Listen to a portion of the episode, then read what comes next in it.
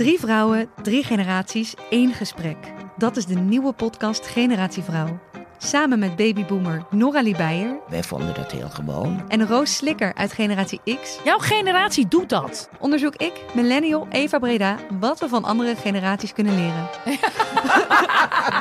Iedere vrijdag een nieuwe aflevering op Flair, Libelle of margriet.nl slash podcast. Hallo, ich bin Debbie, live aus dem Harz. Hier ist deine Bankkleber-Podcast. Ohne mich. Eh, is dat erg? Nou, het schijnt dat eh, Loki voorbij komt. Goed. Black Widow. Niet gezien. En de Hobbit-trilogie. Nou, die heb ik verdrongen en dat laat ik heel graag zo. Want ik ben op vakantie. En ik sta op het punt om een eh, rodelbaan af te knallen. Die één ster in de Google Reviews heeft. Omdat er dagelijks mensen uitvliegen zin in. Wel jammer is dat de favoriete rodeltrack van mijn kind echt afschuwelijk is. Dus daar wil ik jullie ook nog graag even mee, eh, mee kwellen. Komt-ie.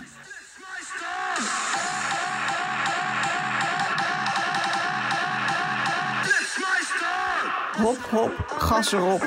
En tot volgende week.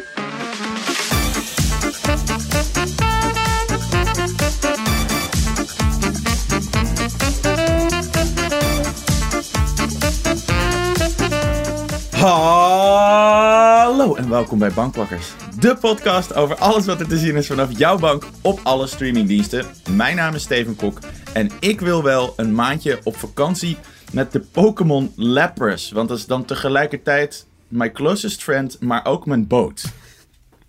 Hoi, eh, Peter Koelewijn hier en ik zou graag met Tom Hanks een maand op eh, vakantie willen. En dan op een, eh, op een klein eilandje, lekker survivalen en tegen volleyballen praten. En met ook, als je met C bent, kan je gewoon gaan volleyballen. Oh ja. ja ik praat liever tegen ze. Ehm, in Bankpakkers bespreken wij elke week wat er uitkomt op eh, alle streamingdiensten. Zodat jij weet wat je wil kijken als je lekker op de bank neerploft. En zoals jullie horen, missen we iemand. Debbie eh, die is, die is eh, zichzelf een week lang van eh, rodelbanen aan het afstorten. Eh, maar gelukkig hebben we een uitstekende vervanger voor haar geregeld om deze aflevering met ons mee te komen kleppen. Dat is namelijk onze geliefde eh, collega van, eh, van TV-gids Totaal TV en tevens daar de hoofdredacteur van. En stiekeme rozenkweker Gijsbert de Fokkert. Gijsbert, welkom, welkom, welkom. Hey, wat een- welkom. Wat een eer, jongens. Wat een eer. Wat leuk dat je er bent. Ben je blij dat Debbie op vakantie is hierdoor? Eh, nou ja, ik, eh, ik hoopte ooit mijn opwachting eh, te maken in de podcast. Maar Debbie ging maar gewoon niet weg. Dus, je, moet, je moet weten, ik zit tegenover haar in een kantoortje. Dus ik heb, ik heb gezegd, Debbie, je bent wat gespannen. Moet je niet, moet je niet eens gewoon even een weekje ertussenuit? Moet je niet gewoon even gaan? Ja, vind je dat een goed idee? Ik zeg, nou, ik vind het een goed idee. En, wat, en jullie vragen mij voor de podcast. Dat is mooi, toch? Mooi. Ja, dat heb je heel goed geregeld. Ja, ehm, Ik weet dat je de, de podcast ook eh, veel luistert. Dat vind ik erg leuk. Want ik, ik, krijg volgens mij van jou verreweg de meeste kritiek ook op onze podcast door. Dus dat is, eh, dat is goed. Ik denk dat je goed in de materie zit. Ik, mijn lievelingstip die we van jou kregen was... kunnen jullie niet op de een of andere manier zorgen dat, jullie, dat mijn navigatiesysteem jullie podcast niet onderbreekt op het moment dat hij iets aankondigt? Ja. gewoon, een nieuwe, gewoon een nieuwe auto kopen. Was het, is, is dat een gekke vraag? nou, ik denk dus niet dat dat bij ons ligt. Maar Oh, ik- ja. Jij zegt, ik moet even met Volkswagen in gesprek Ja, ik over... denk eh, dat je bij hen moet zijn. Ik ga ga even een, een, mijn Duits woordenboek erbij pakken. Nee, ik luister. eh, Ik ben een trouwe luisteraar. Ik ben bij. Eh, eh, dus ik, eh, ik heb alles gehoord. Ik vond de nostalgie-aflevering erg leuk. Ik, ik moet zeggen, ik heb, ik heb zelf laatst nog ehm, de, hele, de hele saga teruggekeken van Dragon Ball Z. Oh, ja. met, met Vegeta en met Frieza. En ik, ik, heb me, ik heb daar erg van genoten. Ik was wel vergeten op het einde. Dus als iedereen echt, echt, echt klaar ermee is, dan komt er nog een soort hele grote baby. Ken je die nog? Die is echt eng. Je bedoelt Boe. Ja, Ja, die, die, die, dat soort Michelin-mannetje. dat is toch een baby? Ja, in het begin is, hij, in, is hij, in het begin is hij een kind en dan wordt hij later volwassen, toch? Ik, vond kijk hem- ik Peter ook even aan. Ik vond hem toen al niet leuk, maar ik, v- ik vond hem nu heel vervelend. Oh. Ja, klopt, ja. Ja, Ja, ik moet zeggen, ik vind de celzaken ook de beste. Persoonlijk. Ja, dat- daarna dat is- inderdaad, Majin Buu, daarna is eh, wat minder. Majin Buu, ja. of, Ja. nou ja, ik, heb, ik heb in ieder geval... Ik vond het erg leuk om weer even terug te kijken eh, met, met dat zeg ik Vegeta en met die... eh, is dat Freezer, die, waar zijn staart eraf eh, gehakt wordt? Ja, ja, ja. Oh ja. Eh, en eh, ik had het de hele tijd, oh ja, oh ja. En, en toen kwam die baby, toen dacht ik, oh nee. Oh nee, oh nee. oh nee, oh nee. Eh, nou, toen moest ik er toch even doorheen. Maar dat zeg ik, ik die, die nostalgie-aflevering vond ik erg, erg leuk. Ik moet nog vragen aan Peter, hoe, hoe ver zit jij in jouw ehm, Game of Thrones boek? Even kijken hoor. Ik, ik heb nu alle Great Houses gehad van Westeros. Dus nu ga ik eigenlijk naar de, naar de continenten buiten Westeros. Welk nummer heeft het boek? Of lees, lees je iets anders dan wat ik denk dat je leest? Even kijken, ik ben nu de, de History of Westeros. Dus dat is meer een, een, een, eh, een Oh, companion niet- boek. Dus niet niet- echt oh. een van de officiële delen van Zo, Game of dat Thrones. is heftig. Dat is hardcore. Heb, jij Ja. ook wel, heb je alle delen dan ook al uit? Eh, ja, ja Dance, Dance of Dragons en zo heb ik eh, Ja. allemaal eh, gelijk verslonden. Dus ik ben wel via, via de HBO-serie erin gestapt. En eh, daarna ook nog Fire and Blood gelezen. Ja. Over de Targaryen geschiedenis helemaal. Dus eh, ja, je kan wel zeggen dat ik een hardcore Game of Thrones eh, fan ben. Maar jij gaat dus ook wel, als, als, al- mocht er ooit nog een nieuw boek uitkomen, dan ga jij wel echt dat lezen. Ja, als hij uitkomt, dan ben ik wel weer nieuwsgierig daarna. Ik, ik, Ik- hoop dat ik- The Winds of Winter ooit uitkomt, ja. Ik denk dat hij niet uitkomt. Dat Nee. hij het niet haalt. Nee, ik denk dat hij, dat, dat hij vindt dat dit zijn legacy is of zo. Dat hij gewoon gestopt is met... Hij doet zoveel andere projecten Ja, erbij. klopt. En dat hij het wel mooi vindt om, eh, om zijn ogen te sluiten... en iets, iets eh, achter te laten wat niet af is. Dat denk ik, ja. dat is mijn vermoeden. Als je dan zou moeten kiezen, Gijsbert, zou George R.R. Martin dan ook degene zijn met wie jij een maand op vakantie zou willen? Zodat je het uit hem kan trekken? Nee, dan zou ik net doen alsof ik in zou checken op het vliegtuig. Dan zou ik heel hard wegrennen, denk ik. Nee, hij is niet... Hij is niet ik, ik vind hem, eh, ik vind hem niet, niet, niet eh, interessant genoeg. Ik zou... ehm, ik zit midden in Billions. Eh, voor de, voor de ja. luisteraars die dat nog niet kennen. Gaat zeker kijken. Zeker de eerste seizoenen. Het, is, het gaat over een miljardair die, die ja, het aan de stok krijgt met een officier van justitie. Eh, en, en zij vechten elkaar helemaal de tent uit. Eh, Ja. eh, en, en laten geen geld ongemoeid om, om dat te doen. Gaan achter, elkaar, achter elkaars kinderen aan. Ja, dat zeg ik, ze maken elkaar helemaal kapot. Maar die, die miljardair, dat is Bobby Axelrod. En die houdt wel van, hoe zeg ik, van, van het leven. Hij gaat ook, als hij naar Metallica wil, wil dan, dan, dan pakt hij een privéjet, dan belt hij drie vrienden op en dan gaan ze. Dan gaan ze die avond, dan zegt hij, joh, ik, we gaan nu naar Metallica. En als ik dan een, ma- eh, een maand op, een, eh, op, een, eh, op vakantie moet... Dan maar die. toch? Dan, Ja, dan weet ik zeker. Hij leeft, hij Ja. leeft gewoon, hij gaat er altijd met gestrekt benen in. Hij leeft 100, 110 procent. Dus het zal geen oninteressante maand worden. Weet je in ieder geval dat je met een paar SOA's en een paar gebroken botten Nou, terugkomt? ik weet niet of dat het doel van de reis zou zijn, maar ik, ik zou het niet Dat is wel om- bijvangst. dat is bijvangst. Vervelende bijvangst. Eh, Ik zou het wel, eh, als hij zegt, kom, we gaan een maand en we beginnen vanavond bij Metallica, ja, dan, eh, dan trek ik mijn shirt lekker. aan. Zeker, ja. Sowieso Oké, wel ja. slim hoor, om, eh, om gewoon met de, miljoen, met de miljardair op vakantie te gaan. Ja, smart. Ja. Peter, wat heb jij eh, gekeken voor deze aflevering? Ik heb Loki afgekeken. Oh, ik ben heel benieuwd naar jouw mening daarover, want ik heb daar ook een mening over. Maar ik heb hem niet uitgekeken. Eh, Oh. En eh, Ah, ik, wou wel, ik wou wel wat spoilers bespreken. Maar moet, ik dan, moet je dan even wegstappen? Of? misschien... Hmm. We, ah, we kijken zo wel even hoe, hoe erg ze zijn. Eh, Gijs, heb jij, eh, jij hebt ook iets gekeken voor deze week, hè? Ja, ik heb eh The Hobbit gekeken. Ik zal straks even uitleggen waarom dat is. Yes. En eh, ik ben eh, naar Black Widow geweest. In de eh, bioscoop wel te verstaan, maar staat natuurlijk ook op Disney Plus.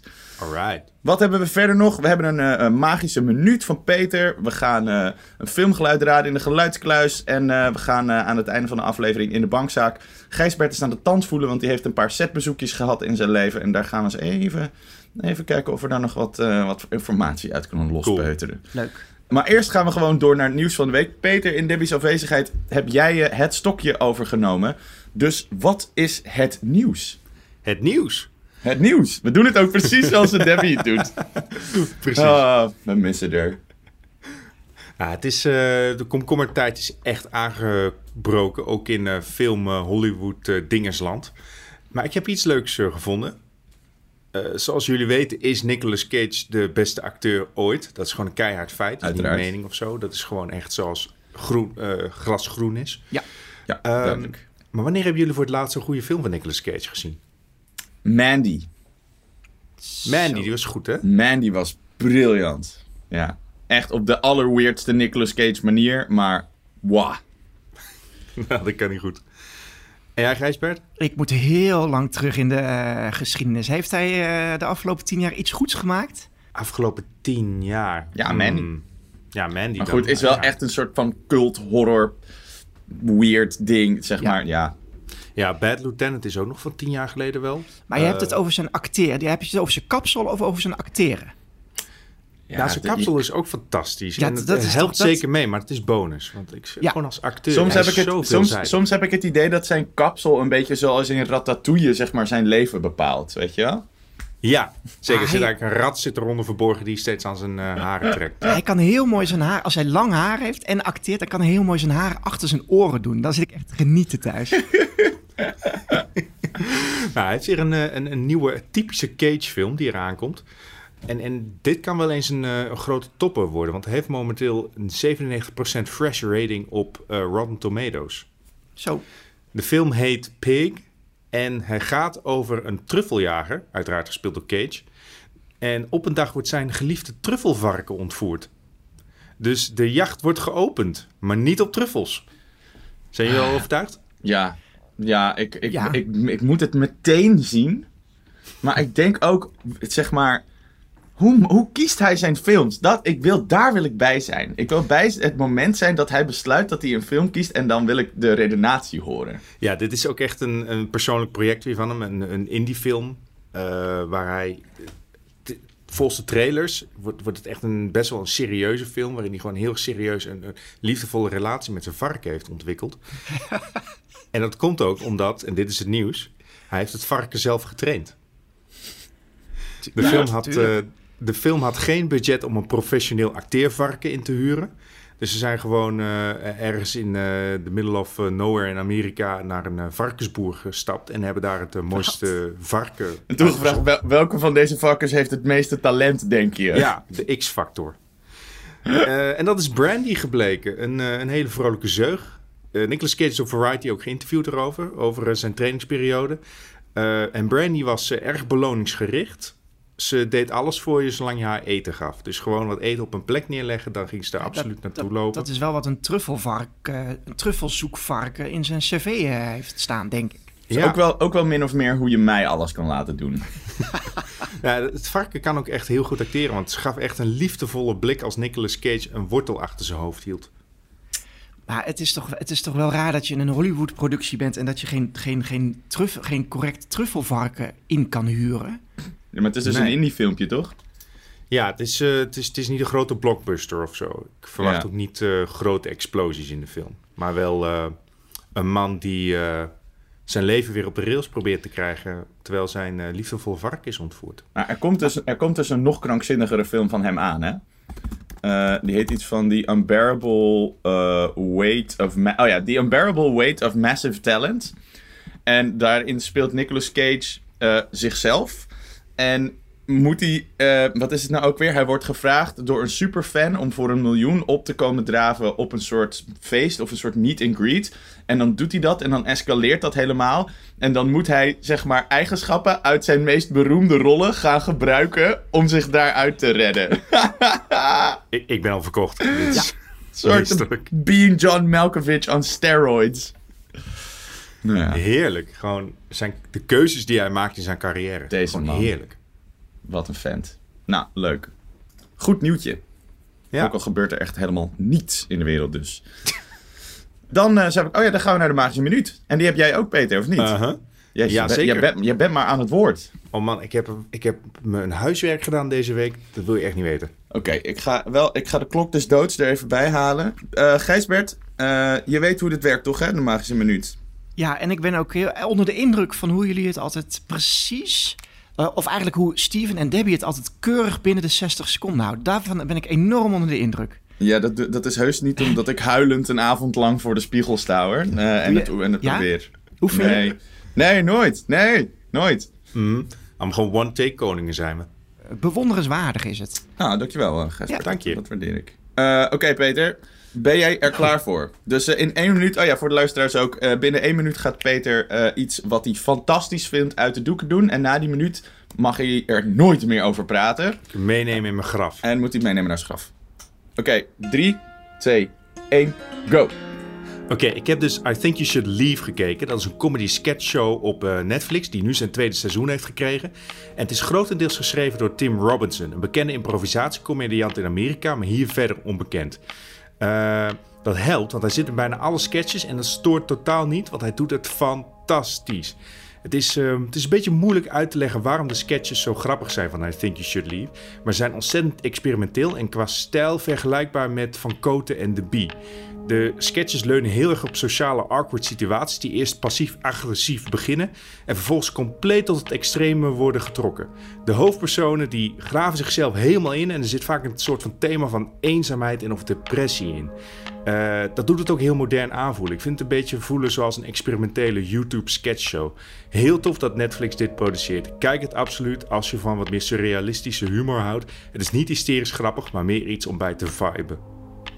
1, 0. Yes! Oké, Nailed it. Mooi. Peter, even heel eerlijk. Deze had je uitgeschreven, hè? Deze was uitgeschreven. Ja, want hij zette zijn camera uit. Dus hij, hij heeft gewoon... Ja, ik zag het. Daarna heeft hij gewoon Nee. twee papiertjes gepakt, omhoog gehouden en voorgelezen. Je hoort me ook niet nu papier weg. Maar Zie het klinkt wel... eh, Maar mag Peter er nu nog over praten? Nee, Of, Peter of- mag er niks meer over zeggen, alleen Nee, wij. Steven, ik vind het... eh, ik vind het een goede pitch. Ja, ik ook. Ik ben hier, ik ben hier ook wel, eh, wel erg benieuwd naar. Ik ben wel benieuwd naar hoe lang... Hij zegt korte, korte sketches. Is dat, is dat drie minuten of is dat tien minuten? Oké, dat mag je nog wel zeggen dan. Peter, is dat tien minuten? Als je knikt, dan weet ik dat het... eh, Ja, knipper twee keer met je ogen. Ehm, soms. Ze gaan, ze ze gaan zo lang door als dat het grappig blijft. Oh ja. Cool. En dit was Netflix dus, hè? Ja. En nog één keer de naam? I think you should leave. I think you should leave. En dat is exact alles wat je moet weten over wat voor soort sketches dit zijn. Oh ja. Ik, eh, we kregen laatst eh, weer de vraag eh, of we aan het einde van als we een film of serie bespreken nog even één keer de naam willen noemen. Omdat mensen heel begrijpelijk het geheugen van een goudvis hebben. Dus al, al het moment als wij klaar zijn met praten, dan ben je de titel alweer vergeten. Dat vind ik eigenlijk wel, Waar, wel logisch. waar had ik het net eigenlijk over? Ik ben het alweer vergeten. Precies. Dus, Gijs, Yes. de Hobbit. Ja. Ehm, Is het niet een beetje laat? Nee, het begint. Ik zal. eh, eh, dit verhaal klopt aan, aan alle kanten. Wacht totdat ik het helemaal. eh, ik heb een epistel van 9 à 10 minuten. eh, om uiteindelijk bij de Hobbit te komen. Dus als je hebt jullie. één eh, minuut. Of wacht, verkeerde nee, rubriek, sorry. wij, wij hebben thuis alle eh, eh, streamingdiensten. Maar dan echt, we hebben alles. Dus, dus eh, Amazon, Disney Plus, eh, Netflix, eh eh, eh, eh, NPO Plus, eh, Discovery Plus. eh, als, alles waar een plus achter eh, eh, eh, staat, dat zit in huizen de Fokkert, is, is daar aanwezig. Brazzers Plus, Pornhub wat- Plus. Nou, Is dat niet Mm, iets van Platinum Gold of zo heet dat? Of- Oh ja. dat weet sorry. ik dan weer. Ik heb, daar, ik heb nog, ik heb wel een, een erotisch uitstapje. Als je dat, wil je dat? ik weet niet of het, Sure. geschikt, of het geschikt is. eh, We zijn heel ja. PG-13 We, knip- knippen dit er allemaal wel uit. Maakt ik moest, kijk, deze, het, ik, ik vond namelijk toen ik eh, bij, bij Totaal TV kwam werken en, eh, en dus heel veel televisie eh, moest kijken, dat deed ik al, maar ik moest echt ook obscure zenders bekijken. Ik moest alles bekijken. Ik wilde van alles weten hoe het zat. Dus ik, eh, ik heb tegen mijn eh, toenmalige manager gezegd: ik zeg, "Lu- luister, ik, ik, heb, ik wil al die pakketten eh, eh, bekijken thuis, want dan, dan weet ik waar ik over schrijf. Nou, eh, hij zegt dat is niet meer dan logisch. Hij zegt ja, dan, dan moet ik dus alles. eh, ik zeg mag ik dat, mag ik dat declareren? Want dat, als je dan alle extra pakketten, dat was toen bij KPN. Nou, daar praat je wel over, over wat geld. En ik dacht, niet geschoten is altijd mis. Hij zegt prima. En ik zeg, eh, maar dan, da- daar zit ook, ik zeg, dan wil ik ook alle pakketten. Dus daar zit ook porno, daar zit ook een porno-pakket bij. Toen zei die Gijsbert, als jij, als jij porno wil declareren, dan heb je mij zegen. dat, is toch, dat is toch mooi? Dit is goed.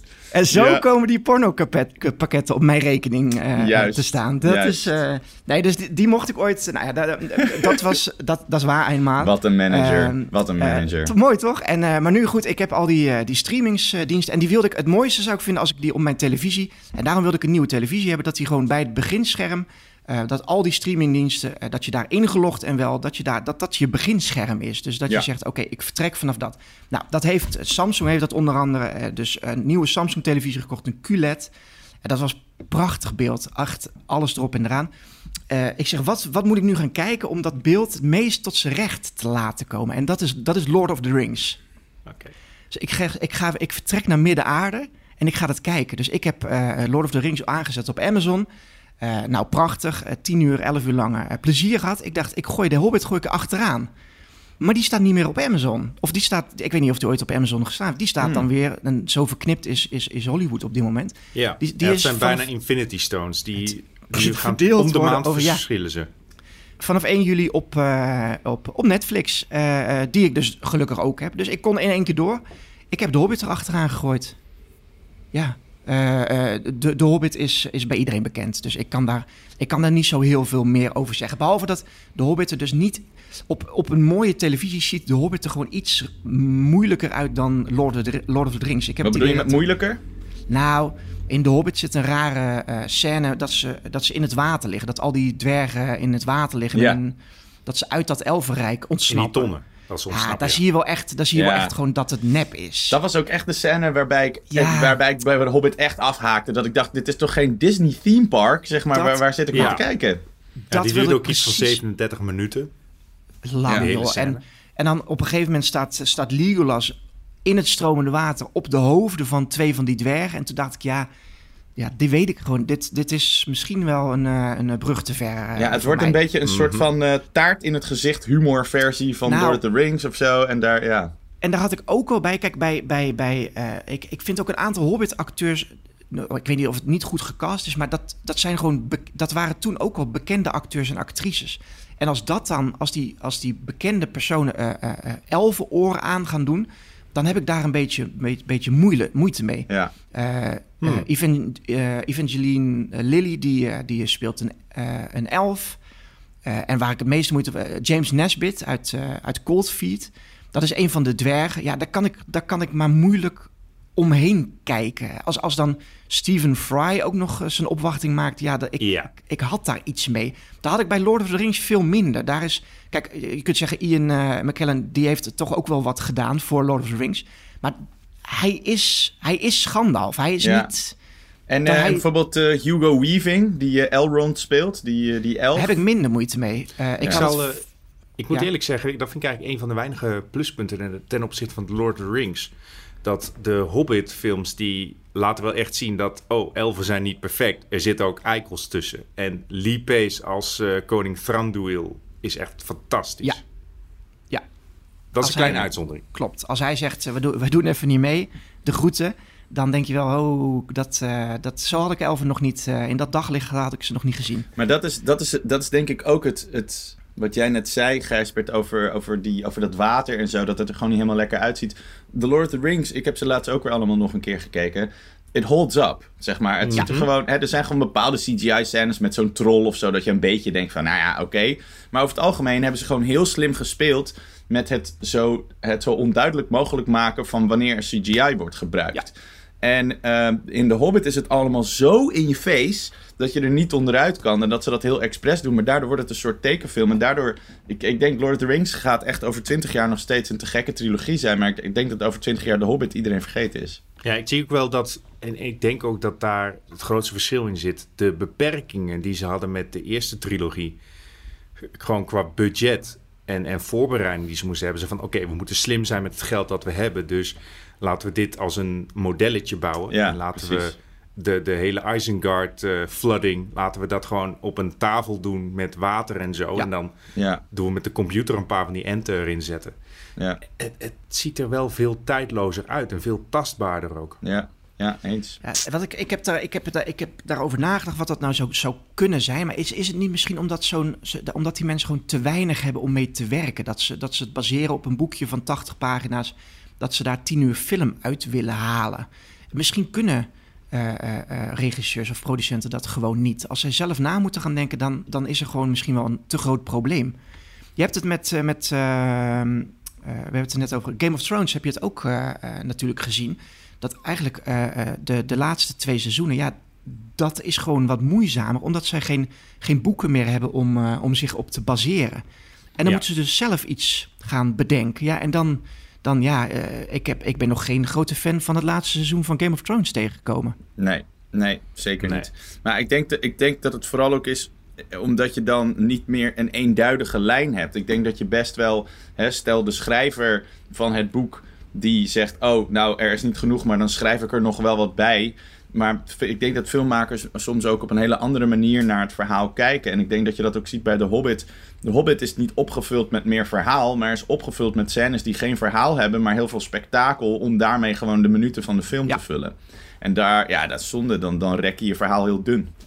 Nee, ik heb ehm, die, eh, eh, eh, daarover gesproken, over, over films en series die op boeken gebaseerd zijn. Ik kijk ook heel erg uit naar The Wheel of Time van Amazon. Ik heb al die, dat zijn uit mijn hoofd 14 boeken van 1000 pagina's per stuk. Ziek. Nou, daar, ehm, dat, ze hebben al een tweede seizoen. Het eerste seizoen komt hoog, ho- dit najaar. Ze hebben al een tweede seizoen aangekocht. Maar het leuke ervan is dus dat het dus gebaseerd is op een ontzettend grote boekenreeks. Dus dat ze genoeg materie hebben om mee te werken. Maar de hoofdrolspeler daarvan, dat is een, Nederlander. Dat is Josja eh, Stradowski. Ehm, en en die, gaat, die gaat de rol van zijn leven. Dit is de rol van zijn leven. Leuk. We moeten die even interviewen dan, denk ik, hè? Ja, voordat, die, voordat het Ja, losgaat. Want voordat als hij losgaat. eenmaal te zien is... Want dit Ja. wordt samen met eh, eh, de Lord of the Rings serie eh, van, eh, eh, van, eh, eh, van Amazon... eh, wordt, wordt dit de, het grote paard waar, ze, waar Amazon op gaat, eh gaat. Nou, Gijs, Zeker. Dan, ga- dan, gaan we Bij jou, eh, dan gaan we jou dan ook uitnodigen. Vind ik leuk. En dan nodigen Ja. we hem ook uit. Leuk. Dat lijkt me een echt goeie.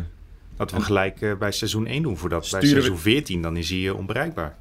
Ja, Dan sturen we Debbie gewoon weer even op vakantie. Ik zal kijken of ik een beetje kan sturen. Gewoon een, gewoon een badhanddoek op haar stoel leggen en zo. En wat zand, Zou- strand, ja, zand precies. zo omheen. Zo de hele tijd de lucht van zonnebrand verspreiden. Zo. Oh, krijg je daar ook zo'n zomersgevoel Zo van? met ukulele spelen naast haar bureau. Oké, we gaan door naar Black Widow. Black Widow, ja, die staat dus nu op Disney+. Plus. Eh, wel betaald voor eh, 22 eurotjes. Ja, eh, poepduur, we hebben het er vaker over gehad. Eh, echt niet te betalen. Helemaal eh frappant, omdat ik een... Ik heb een Cinefiel eh, pas, waarmee ik eh, gratis naar de bioscoop kan. Dus ik heb hem gewoon gratis in de bios gekeken in plaats van... Nou ja, goed.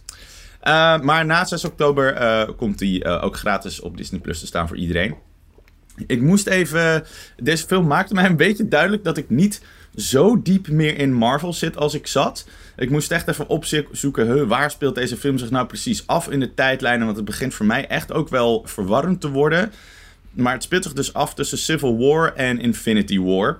Dus nou ja, voor de mensen die er wel een beetje in zitten, is dat een goede duiding om te hebben. Overigens, ik ging, ik ging hem kijken terwijl ik dat nog niet helemaal door had. Werkt op zich ook. Het is niet eh, noodzakelijk. Het is voornamelijk dat ze even moeten uitleggen.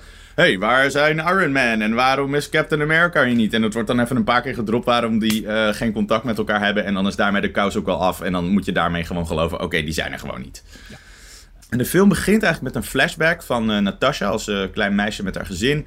eh, wanneer ze te proberen te ontsnappen van een nou, nog onbekende aanval. En dat is eigenlijk ook meteen de rode draad die wordt geïntroduceerd. Het gaat over die soort van dysfunctionele familie en hoe die, hoe die wel of niet stand houdt. Want eigenlijk weten we heel weinig backstory van Natasha. Dus dit geeft echt wel een stukje achtergrond. Maar het zorgt er ook een beetje voor dat haar medespelers een beetje de show van haar stelen in de film. Eh, want Florence Pugh, die ehm, eh, onder andere ook de hoofdrol speelt in Midsommar, die speelt een soort van haar sarcastische zusje. En dat doet ze heel erg goed.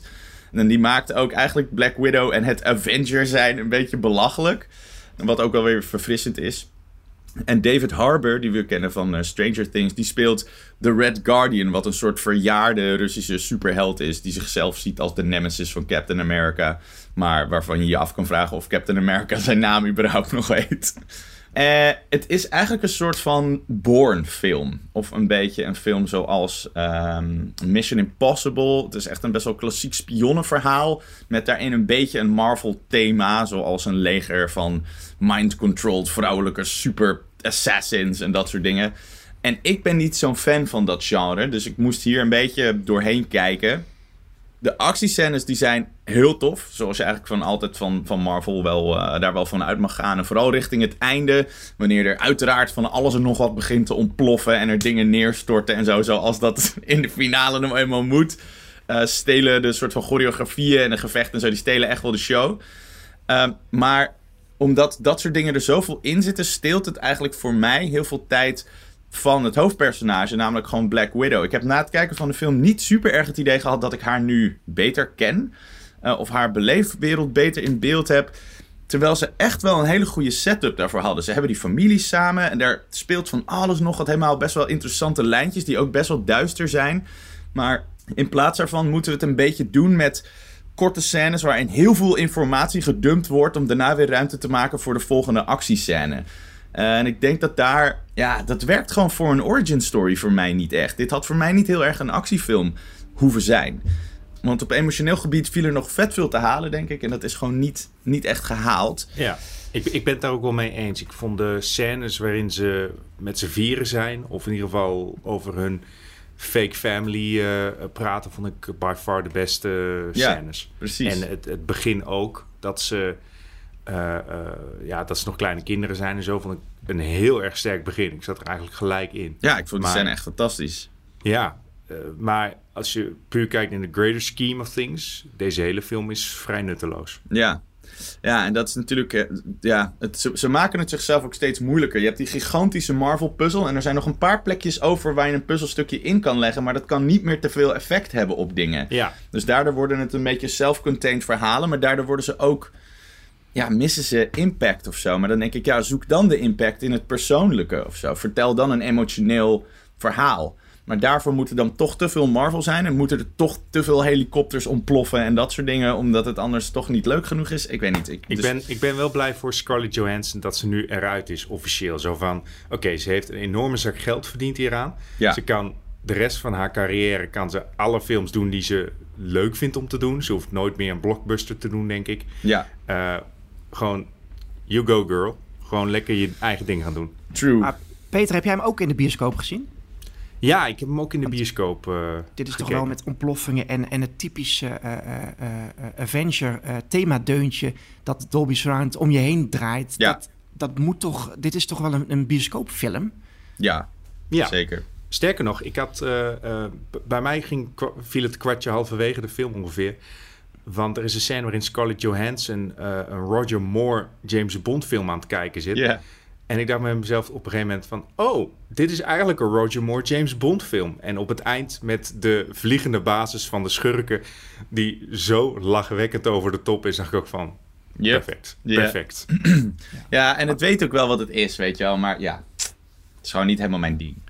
Ja, maar wat, is, wat, wat, wat wil je? Want kijk, bij, bij eh, eh, die Avengers, dat, dat is, de- kijk, het probleem is dat ze bij die Avengers steeds groter moeten. Dus de grootste basis nu verslagen. En dus moet er een grotere baas op staan. En moeten er grotere helden komen om die grotere baas te verslaan. Ja, het, gaat, het gaat me niet om de schaal. Het gaat me, denk ik, om de creativiteit. En om, ook een beetje om hoe kleurrijk het is. Wat, ik, wat mij aantrekt tot Marvel.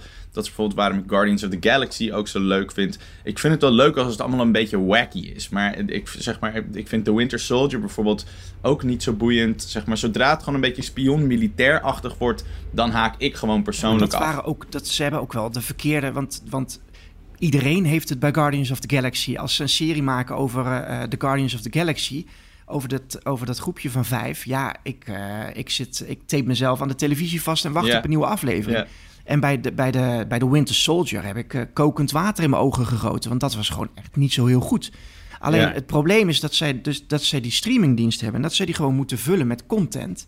Ja, dat zij gewoon een miljoen miljard eh, eh, nieuwe series en films moeten maken. En, de, en misschien Ja. heeft daarom ook wel ehm, Black Widow een eigen film gekregen. Misschien eh, ja, zat hij niet in de pijplijn. En hebben ze gezegd, oké, we gaan dit nu uitnutten. We gaan iedereen we- gewoon...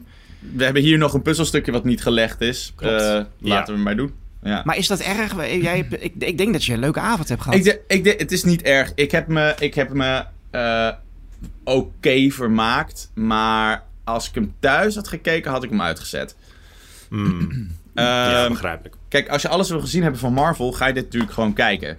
Eh, dus daar, daar ga ik, weet je wel, dat ben ik zelf ook namelijk. Ik, ki- ik kijk toch alles van Marvel wel, of ik het nou helemaal te gek vind of niet.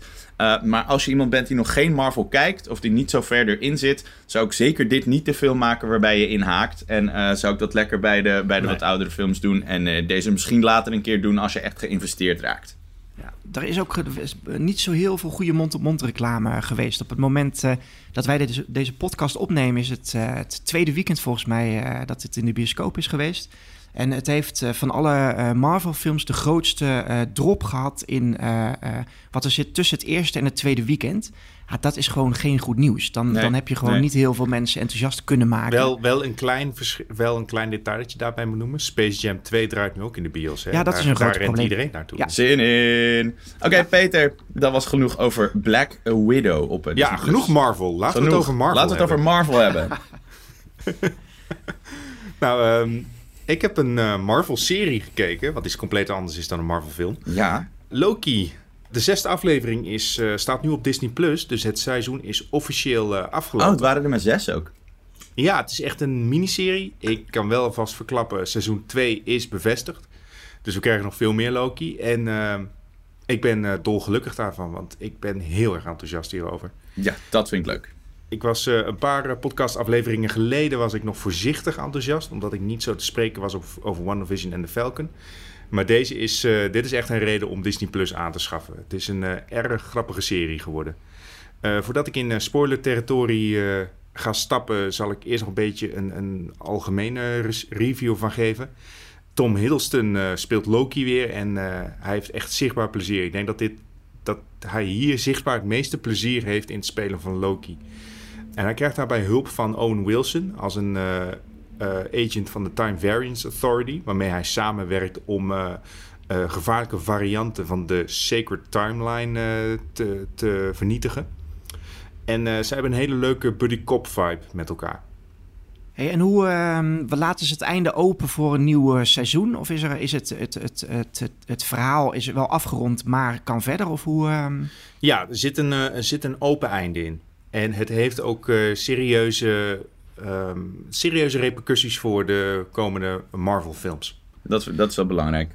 Ja, zeker eh, met name eh, Doctor Strange 2, die de Multiverse of Madness gaat eh, heten. En dat geeft je al een beetje een idee van wat er precies in Loki Kijk, maar als je die titel alleen is. hoort, dan denk ik, dit moet ik zien. ja, en dan ook nog door Sam Raimi geregisseerd van Evil Dead. Ah, ja, ja. dan, dan ga je wel wat creepy dingen zien. Hé, maar Peter, jij, jij gaat ons in eh, spoiler territory eh, begeven, hè? Ja, Dan ja. eh, moeten we dan even een soort... eh, dan moeten mensen misschien even vooruit skippen als ze dat niet willen horen. Jazeker, ik ga hier echt de details bespreken van de laatste afleveringen. Dus als jij nog Loki wil kijken en eh, alle gekke twists daarin wil eh, meemaken, ga vooral eh, verder door. Dan Skip even, nou, wat zullen we zeggen, vijf minuten vooruit. Steven, wil jij eh, Loki nog kijken? Ja, maar ja, dat is nu al te laat, hè? Ja, ik ga ik het nu gewoon horen. ik, wil- ik vond Loki echt het allerleukste van deze maand om te kunnen kijken. Eh, Peter, succes. Oké, weet je wat? Ja. Nee, dan haak, ik, dan haak ik even af. Ik doe mijn koptelefoon af en zwaai maar als, eh, als ik weer Ja. kan terugkomen. Wow, wow, oké. oké. Doei! Ik vind, het, ik vind het niet erg om, eh, om mee te luisteren. Dus ehm, eh, eh, eh, ga je gang. Oké, ik oké. even een colaatje halen? Jongens, Alligator Loki. Hoe fantastisch is dat? Gewoon, ik, ik wil nogmaals benadrukken.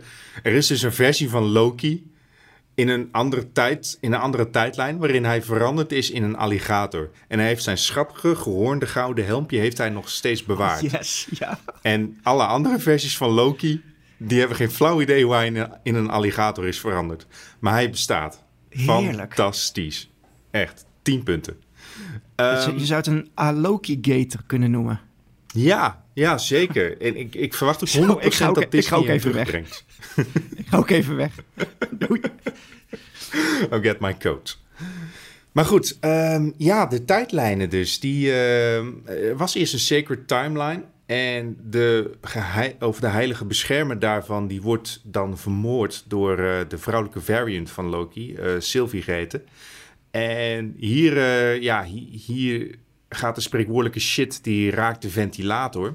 Want nu kan er gewoon alles kan gebeuren... en op alle tijdstippen ooit. Eh, dat betekent voor Disney dat ze ook gewoon de X-Men kunnen introduceren in het Marvel-universum. Maar het kan ook betekenen dat Spider-Man bijvoorbeeld oude schurken gaat tegenkomen. Of eerdere acteurs die Spider-Man speelden. En Marvel heeft ook bevestigd dat dat gaat gebeuren in eh, de volgende Tom Holland Spider-Man film.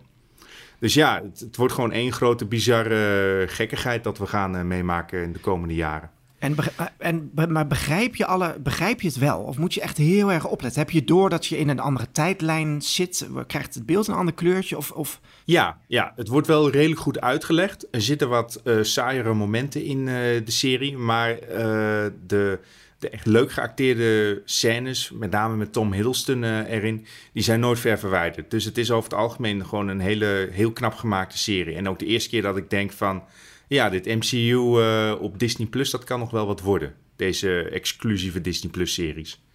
Maar is dat, Eh. en hoe, hoe, waar, waar ligt het aan, denk je? Is dat dan het karakter wat, wat zo interessant... Want ook meteen toen iedereen zei, ja, Loki krijgt een eigen serie... dan denk je, ja, dat, is, dat wil ik zien. Eh, Ja. En dat, dat hadden we bij, die, bij de voorgaande eh, toch... Had ik iets minder. Is dat gewoon het karakter wat interessant is? Of de acteur? Of... Ja, ik denk, ik denk dat het eh 90% eh, inderdaad het personage Loki is. En de manier hoe Tom Hiddleston dat heeft Ja, ingevuld. toch? Ja. Hij wordt ook wel. Ze, ze geven hem ook wel goede motivatie om te doen wat hij doet. En ook echt een, iets wat hij kwijt kan raken. Dus dat is allemaal heel knap gedaan. En ik denk dat de eh, andere 10% is dat ze ook werkelijk ehm, hierin serieuze consequenties in stoppen. In wat er gaat gebeuren in de volgende Marvel-films.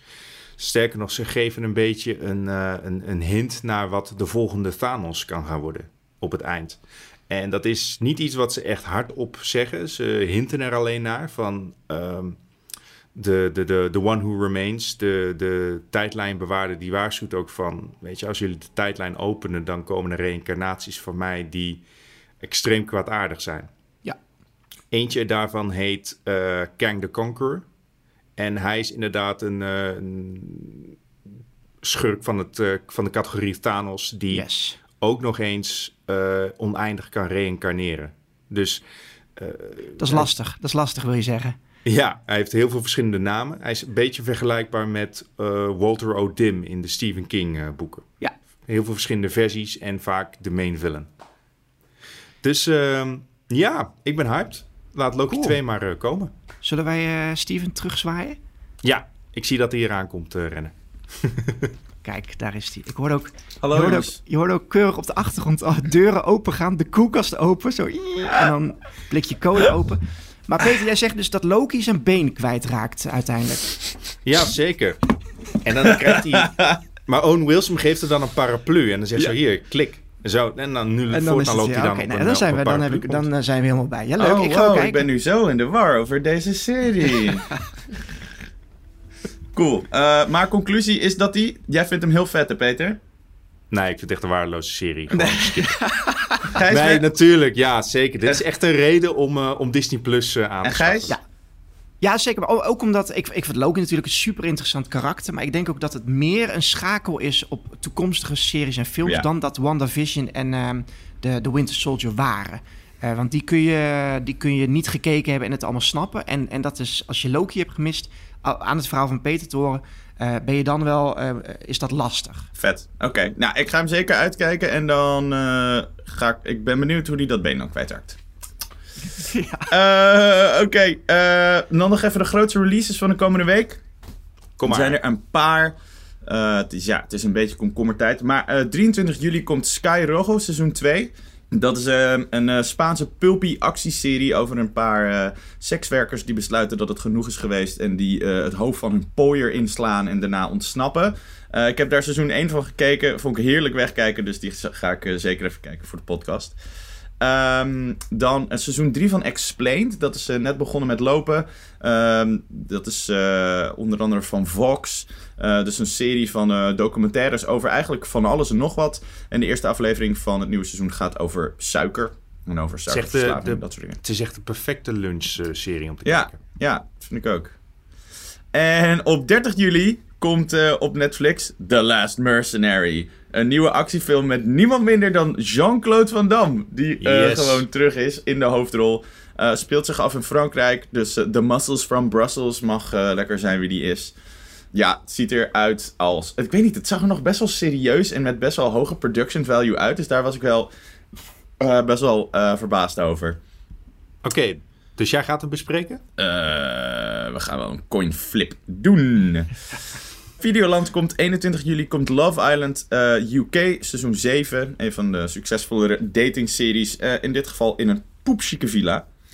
En op Prime Video komt Jolt uit. Een film met Kate Beckinsale, waarvan ik gewoon het idee zo maf vond. Het is een soort, eh, het lijkt een beetje op Crank, maar dan andersom. Het is een film van Kate Beckinsale eh, en zij wordt super gewelddadig soms. En de enige manier waarop ze dat kan temperen is door zichzelf met een apparaatje een schok toe te dienen. En dan wordt haar geliefde vermoord. Wah, wah. nee. Dus dat klinkt eh, belachelijk en over de top. En misschien Kate. Beckinsale kan dat wel. Ja, dat denk ik ook wel. vertrouwen in. Eh, dat was het. Peter, hebben wij een, hebben we een geluid in de geluidskluis deze week? Natuurlijk. Ja, altijd geluid in de Er geluidskluis. zit altijd geluid in de geluidskluis. Yes. Eh Gijsbert, kan je even meehelpen? Ik, eh, om, eh, hier zat ik al de hele tijd naar uit te kijken. ik wist Ach, het. ik... yes. Oké. Gaat-ie.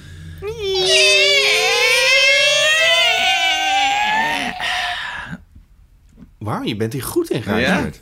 Nice. Natuurtalent. die Ik biceps. hoorde, ik hoorde Steven zijn Pikachu-stem doen de vorige keer. Ik dacht, dan moet ik ook iets, iets kunnen met mijn stem. En dat is een kraken. Kraken Ja, kan ik goed. goed. Heerlijk, heerlijk.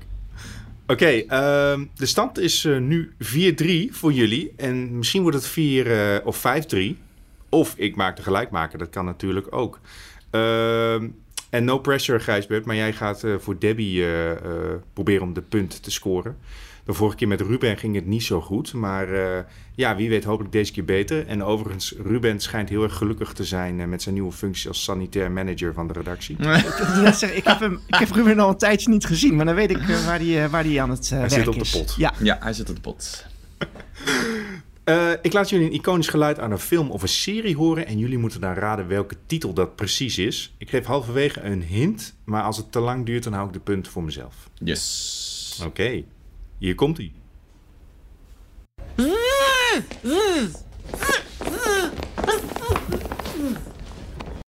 Huh? wat? dit, is, dit, is, dit is iemand die, die gek doet met, met, de, ja, iemand die een vliegen nadoet. met de mond dicht en dan zo... mm, Oké, nog een keer. Ja. Ja, ze, ze doet Bzzz. Het is een zij, toch? Ik denk het wel. Maar, ze heb- niet ontvoerd of zo? Dat er iets over haar hoofd heen wordt getrokken? En Je dat hoort wel het achtergrondgeluiden, ja. Ik hoor, maar ik heb het idee dat ze een signaal probeert te geven. Dat, dat Ja. dit iets afgesprokens was. Van als ik zeg, dan... dan hmm. Mhm. Hè? Eh. Zal ik een hint geven? Is het Ja, gewoon graag. een B-movie? Oké. Oké. De hint is Ruby. Ruby. Op zijn Engels Ruby. Ruby. Mogen we weten of het een film of een serie is? Vooruit. Het is een film. Oké. Het geluid komt uit een film. maar is, het, is Ruby dan eh, een vrouwennaam? Of zullen we op eh, de, eh, de, de edelsteen Ja. Ruby Oké, we gaan- we gaan Ja, dat verder? Nou, hij zei wel heel specifiek, het is het, het is, hij zei heel specifiek in het Engels, Ruby. Dus dan Ja. zal het de naam wel zijn. Want een edelsteen in het Nederlands zou ook... Ja, oké. dan Nog zijn, één dan zijn we keer? daarover... Ja.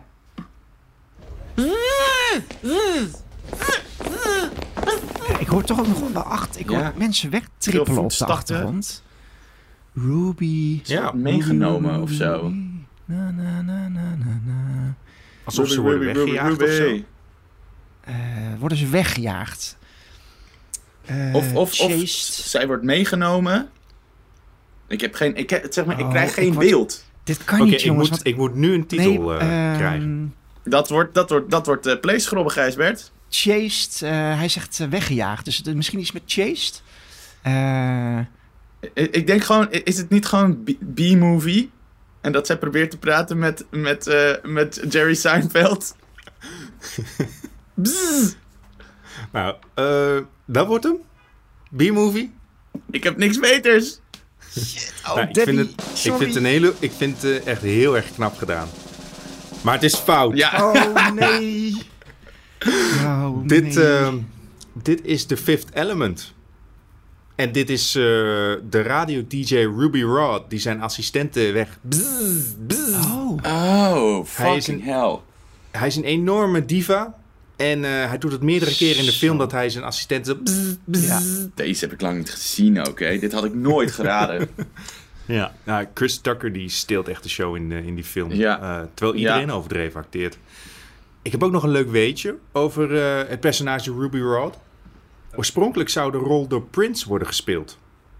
Oh. Alleen hij had niet zo'n goede meeting met de kostuumontwerper Jean-Paul Coutier. Veel later onthulde de modeontwerper dat ze een best wel rampzalige meeting hadden.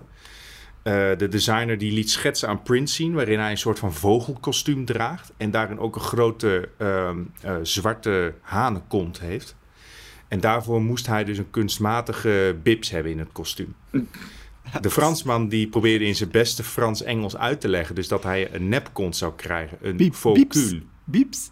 Dus hij sloeg steeds op zijn eigen kont en hij zei dus steeds focule, focule.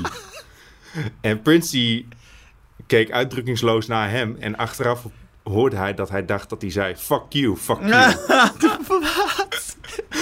dus eh, hij, hij bedankte ervoor. hij Oh my zin. god. Heel chill dat die gast ook Wat de rest van zijn verhaal. leven gedacht moet hebben. Of dat je daarmee moet leven. Dat Prince dacht dat jij fuck you tegen hem zei. Ja, Echt.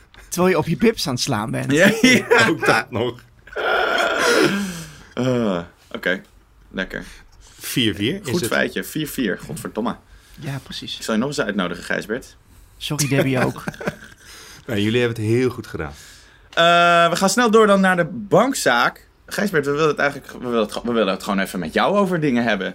Want jij bent eh, voor jou eh, als, als, als, eh, als hoofdredacteur Totaal TV... heb jij hier en daar wel wat setbezoekjes mogen doen, hè? Zeker, maar dat is ook, ook, ook omdat ik in een ver verleden ook gewoon voor Veronica Superguide, of toen, toen het nog Veronica Magazine heette, heb geschreven hoor. Eigenlijk Ja. voor, denk ik wel, alle gidsen in, in Nederland. Ik heb Hilversum, denk ik wel, allemaal, alle mensen in Hilversum wel één of twee keer geïnterviewd. De presentatoren en de actrices. En, maar ik ben inderdaad ook eh, wel eens op het vliegtuig gezet om, eh, om op setbezoek te gaan. Eh, de leukste daarvan waren, die springen er wel uit, The Walking Dead mocht ik rondlopen. Dat was, dat was erg leuk. En Expeditie Robinson ben ik twee keer geweest. Ja, ik heb dus even bij onze luisteraars had ik even geroepen dat je kwam. En mensen waren vooral erg geïnteresseerd in Expeditie Robinson. Ik denk dat het ook een beetje is omdat je, daar, omdat je daar natuurlijk het voorwendsel krijgt dat het allemaal echt is. Maar ik merk dat mensen zich wel een beetje afvragen hoeveel ervan is nou Ja. echt. Dus bijvoorbeeld Anne 1, die vraagde hoe slecht hebben de bewoners van dat eiland het nou echt? Hoeveel kun je daarover zeggen? Nou, kijk, het, hangt er wel ook een beetje... Kijk, qua eten, je denkt dat als je op dat eiland komt... dat het eten het, het lastigste is. En dat, dat is niet echt zo. Omdat als je een beetje handig bent met vissen en zo... Ja, er zijn seizoenen bij geweest dat ze 25 vissen op een dag eh, eh, aan de hengel hadden. Ja, dan heb je het qua eten helemaal niet zo slecht. Eh, het is ook niet zo dat, ze, dat, dat, dat de productie die mensen zonder eten aan alle proeven en zo laat beginnen. Want anders eh, straks heb je iemand die flauw valt Ja. dan heb je slechte televisie. Dus, dus iedereen krijgt natuurlijk wel een stukje fruit en water en zo. Dat, dat, vlak voor een proef moet alles gewoon even op scherp worden gezet. Maar dat, hoeven ze dus- dan dus ook niet zelf geregeld te hebben. Dat krijgen ze gewoon van de productie. Ja, het is, eh, kijk, ze gaan natuurlijk niet mensen daar laten verhongeren. Maar honger is ook niet het grootste probleem op die eilanden. Nee. Weet je wat iedereen onafhankelijk van elkaar zegt? De verveling. Ja. Mensen vervelen zich helemaal te pletter. Zij kijken ook uit naar de proeven, want zij kunnen dan, eh, ja, dat is eh, één keer in de twee dagen, één keer in de drie dagen, dan komt, komt er zo'n proef langs. En daar kijken ze gewoon heel erg naar uit om dat te kunnen doen. En verder zit je gewoon op dat eiland, zit je gewoon van het moment dat je wakker wordt tot het moment dat je gaat slapen, ben je niks aan het doen. Ja, je probeert een keer een uurtje iets, iets qua eten te regelen, maar dat is het wel. En verder verveel je je echt. Het is niet leuk. Het is, dat is wat iedereen zegt. De verveling. Verschrikkelijk. Maar dit, dit komt wel ook wel in de buurt eh, van een andere vraag die, eh, die Jeffrey stelde. Die zei, wat gebeurt er eh, als de camera's uitgaan, maar dus gewoon geen ene kut? Nee. nee, want eh, er is altijd wel een cameraploeg eh, aanwezig op het eiland. Dus, dus eh, ook, die slapen dus ook op het eiland met een tentje. Ik weet niet of het laatste keer dat ik mee was is een paar jaar geleden hoor. Maar die slapen dus op dat eiland met een camera. Dus als er s'nachts iets gebeurt, daar zie je nog wel eens wat beelden van. Dan hebben ze wel, daar wel gewoon een camerateam paraat. Er gebeurt Ja. s'nachts niks, want die mensen die willen gewoon slapen. En eh, duimen dat de dag erop gewoon weer zo snel mogelijk voorbij is. Ja, En als je iets wil gaan doen, dus eh, er zijn mensen geweest die zeggen: Oké, ik wil gewoon wel morgen eens proberen om eh, iets te vangen, een vogel te vangen of een varken. En ik zag hier laatst een leguaan lopen, misschien kunnen we die opeten. Dan, dan geven ze dat aan bij de productie. Dan zeggen ze: Oké, morgen ga ik om twee uur 's middags, of morgen ga ik proberen met, met een groepje van vier mensen gaan wij eh, naar, naar de binnenlanden Ja, dus- trekken, wil ik zeggen. En dan staat er gewoon een camera. Maar de camera's die draaien dus niet 24-7. Nee, zeker Nee. niet. Eh, het is, eh, Ze worden nog net niet ingevlogen. eh, maar ze zijn zeker niet. Ze zijn wel aanwezig, maar die staan niet elke dag met een camera op hun neus te draaien. Dat zeker niet. Nee. Omdat het gewoon te veel eh, materiaal zou zijn. Het zou te lang duren. Dat, ja, dat werkt precies. niet. Ehm, En hoe zit het met, eh, met communicatie? Krijgen ze nog wel eens toegang tot een smartphone of toegang tot internet, dat ze een mail even kunnen checken? Nee, dat, eh, de keren dat ik er geweest ben, je bent echt, wel echt afgesneden van eh, het thuisfront. Eh, dat maakt het ook soms zwaar, toch? Dat is ook een deel van, de, van wat mensen er soms lastig gaan vinden. Ja. Ja, maar dat is ook wel het, de kracht van het programma. Je gaat natuurlijk niet ergens naartoe waar je gewoon even kunt bellen met, je, Nee, met, de, met de mensen thuis. En dat je zegt, hoe gaat het met je? Ja, ik heb net een vis gevangen, groetjes, eh, eh, ik ben er weer vandoor.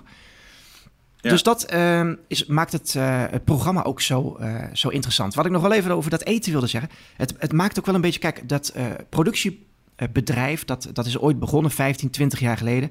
En die huurde dan, of die zei, we gaan een televisieprogramma maken. Mogen wij drie weken gebruik maken van een eiland op de Filipijnen of in, in Panama zijn ze ook nog geweest. En dan zeiden de Filip- Filipijnen, zeiden, ja, dat is goed. Dat is nu zo groot, groots gegroeid, dat dat productiebedrijf gewoon het hele jaar rond een aantal eilanden huurt van een land. Ik denk dat ze nu op de Filipijnen zitten. Ja, En wat is nu de pech? Dat als jij, achter, als jij als land achter een grote productie zit, als je achter Frankrijk zit, waar ze met 30, 40 mensen komen, dan is jouw eiland gewoon helemaal leeg geroofd. oh ja. Dus dan zijn, dan zijn alle kokosnoten uit de boom, al het fruit is weg, eh, de vissen zijn nog net niet uit de zee gevist. maar dan, dan kom je gewoon op een kaal eiland. Ja, ja, dat is wel lastig. oh ja, oké. maar dus, dus ze moeten meer eilanden koloniseren. Als je weer helemaal opnieuw wil beginnen, dan zou dat wel goed zijn. Maar goed, dit werkt ook. Eh, het is grappig om te zien. Ze hebben dus gewoon een, eh, een groep van eh 30, 40 timmerlieden. eh, die gewoon daar wel echt gestationeerd is. En die, is, die zijn de hele tijd nieuwe proeven aan het maken. Ja, maar je moet één keer een mooie, goede proef hebben gemaakt. En dan kunnen alle landen daar gebruik van maken. dat vroeg Mark ten Bode, en onze, een van onze vaste luisteraars, die vroeg dat ook. hoe lang duurt het om zo'n proef eigenlijk op te bouwen? Eh, hoe werkt dat? Maar dat, dat is dus een permanente groep mensen die non-stop dingen daar aan het bouwen is. Die wonen daar. Ja. En het is vooral eh, inderdaad oude proeven in, in Oh, die wonen daar, dat zijn. Ja, locals. Nee, nee, sorry. Dat zijn wel, die zijn wel ingevlogen. Maar die werken daar gewoon een aantal maanden onafgebroken aan dat programma. Ja. En kijk, wat wij als wij eh, als Nederland zijn een hele toffe proef hebben bedacht of gezien. En dat slaat aan ook bij de kijkers. Ja, je bent wel gek om dat eh, weg te gooien. Dus ze breken dat af. Ze zetten dat netjes in een hutje. En dat noemen ze proef eh, B. En als ehm, eh, over een week Zwitserland komt, dan zeggen ze: we moeten proef B van Nederland uit dat hutje halen. En die bouwen ze dan op. En dan zijn ze klaar. Slim hoor. Ja, Toch? Logisch. Ja. Wat vond jij het tofste aan, eh, aan, aan de expeditie set bezoeken? Was er iets is wat je helemaal niet had verwacht of wat er echt uitsprong voor jou? Het is wel echt idyllisch. Zeker gewoon de reis daar naartoe. En dat was er zeker op de Filipijnen. Want als je dan... Kijk, op een gegeven moment... Je stapt uit een, eh, uit een heel groot vliegtuig. eh, maar dan ben je niet op dat eiland. Vervolgens ga je met zo'n... Met zo'n ja, niet een oud vliegtuigje... Maar gewoon met een vliegtuigje waar acht of tien mensen in kunnen. Dan moet je nog naar dat eiland toe. En dan vlieg je een uur lang over de zee. En dan zie je dus... Dan beginnen al die eilanden een beetje op te doemen. En op een gegeven moment is dat, dan is dat eiland waar je, waar je weet van daar zitten de kandidaten, die, daar vlieg je dan overheen. En dat is wel Ja. echt, dat is wel heel tof. Het is ook wel echt gewoon palmbomen, strand. Het is mooi, eh, maar het is, niet, het is dus niet, ja, je moet wel echt, echt eh, durf hebben om er naartoe te gaan en erop te gaan zetten. Ja. Want van alle kandidaten die ik gesproken heb, ze zeggen altijd, het was eh, leuk om te doen, het was heel tof, eenmalige ervaring, maar vervelend. En ik vond het zo ja, saai niet, maar de, de verveling slaat toe en daar word je gewoon echt gestoord van. Maar goed, om het eenmalig te bezoeken, dat is dan wel heel, heel tof. Ja. Ik, voel, eh, ik, ik voel me niet gedesillusioneerd nu, eh, nu ik dit allemaal Nee. Ik ben eigenlijk alleen maar enthousiaster. Wat zou, jij, wat zou jouw sterke kracht zijn, Peter, als jij eh, ingevlogen zou worden? Wat zou mijn sterke kracht zijn? Nou, ik kom uit een eh, familie van visboeren. Dus ik denk dat ik wel een, eh, een aardig visje zou Oh, kunnen ja. vangen en kunnen fileren. Dus ik ben gewoon, of ik word gewoon de sushi-chef van, eh, van het strand. Ik zie nu, ik denk dat ik Peter meeneem, Steven. Ik, of jij moet nu nog één, eh, om het af te sluiten, een, een betere sterke kracht hebben dan Peter. Eh, ik weet niet of je een podcaster zoekt die eh, de boel aan elkaar praat. Maar eh, ik zou Peter ook meenemen als ik jou had. Ja, heel goed. Nou, met de podcaster verveel je je wel minder snel op het eiland. Nou, ik hoop, ik hoop dat onze luisteraars zich deze aflevering niet hebben verveeld. Natuurlijk. Als, als we, nee, ik denk het niet. Ik vond, ik vond eh, Gijsbert, ik vond jou een erg fijne gast. Goed Ja, zo, Dankjewel. Het, het was erg leuk om mee te doen. Elke keer als eh, Debbie iets ontvalt, dan zullen we je wel weer even polsen. Elke keer als Debbie een ongelukje krijgt. Ja. Als Debbie struikelt van de trap. Oh, Als opeens haar linker achterband klapt. Mhm. Eh, en ook jullie thuis natuurlijk hartstikke bedankt voor het luisteren. Ehm, als jullie het zouden willen doen, heel graag laat even een, eh, een recensietje achter eh, in de podcast-app die je gebruikt. Daar worden we heel gelukkig van. En dan worden we zichtbaarder bij, eh, bij andere podcasts die vergelijkbaar zijn. En dus bij mensen die ook misschien naar ons willen luisteren. Vertel ook eens aan een van je vrienden of familie dat je ons luistert van mond op mond. Ja, dat is toch uiteindelijk de allerbeste manier om bij nieuwe mensen terecht te komen. Zoals gezegd, eh, het wordt dus deze zomer is het een beetje eh, een rare periode. Soms zijn er mensen op vakantie, dus er komt er soms een special, zoals vorige week. Of soms nodigen we gasten uit, zoals Gijsbert. Maar het belooft daardoor ook wel een erg gezellige en afwisselende zomer te worden. We gaan in ieder geval stug door. Gijsbert, jij weet, weet, jij, wat- jij weet wat er aan het einde van de aflevering komt, toch? dit, was mijn, dit is mijn ene meest favoriete onderdeel. De quote. Yes. Just when I thought I was out, they pull me back in. Oh nee, deze... Oh, Peter, jij weet hem, hè? Ja. Eh, hij is heel bekend. Eh, Nee, ik, denk ik, dat, laat hem jou raden. ik denk dat ik de film ook nog onlangs gezien heb. Ehm, Peter. Oké.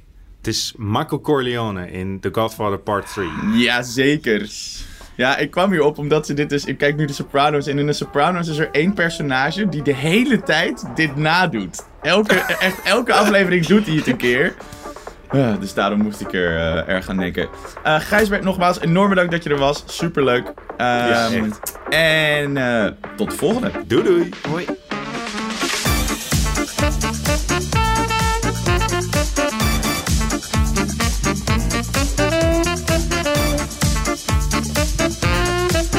Bankplakkers is een originele podcast van Veronica Superguide.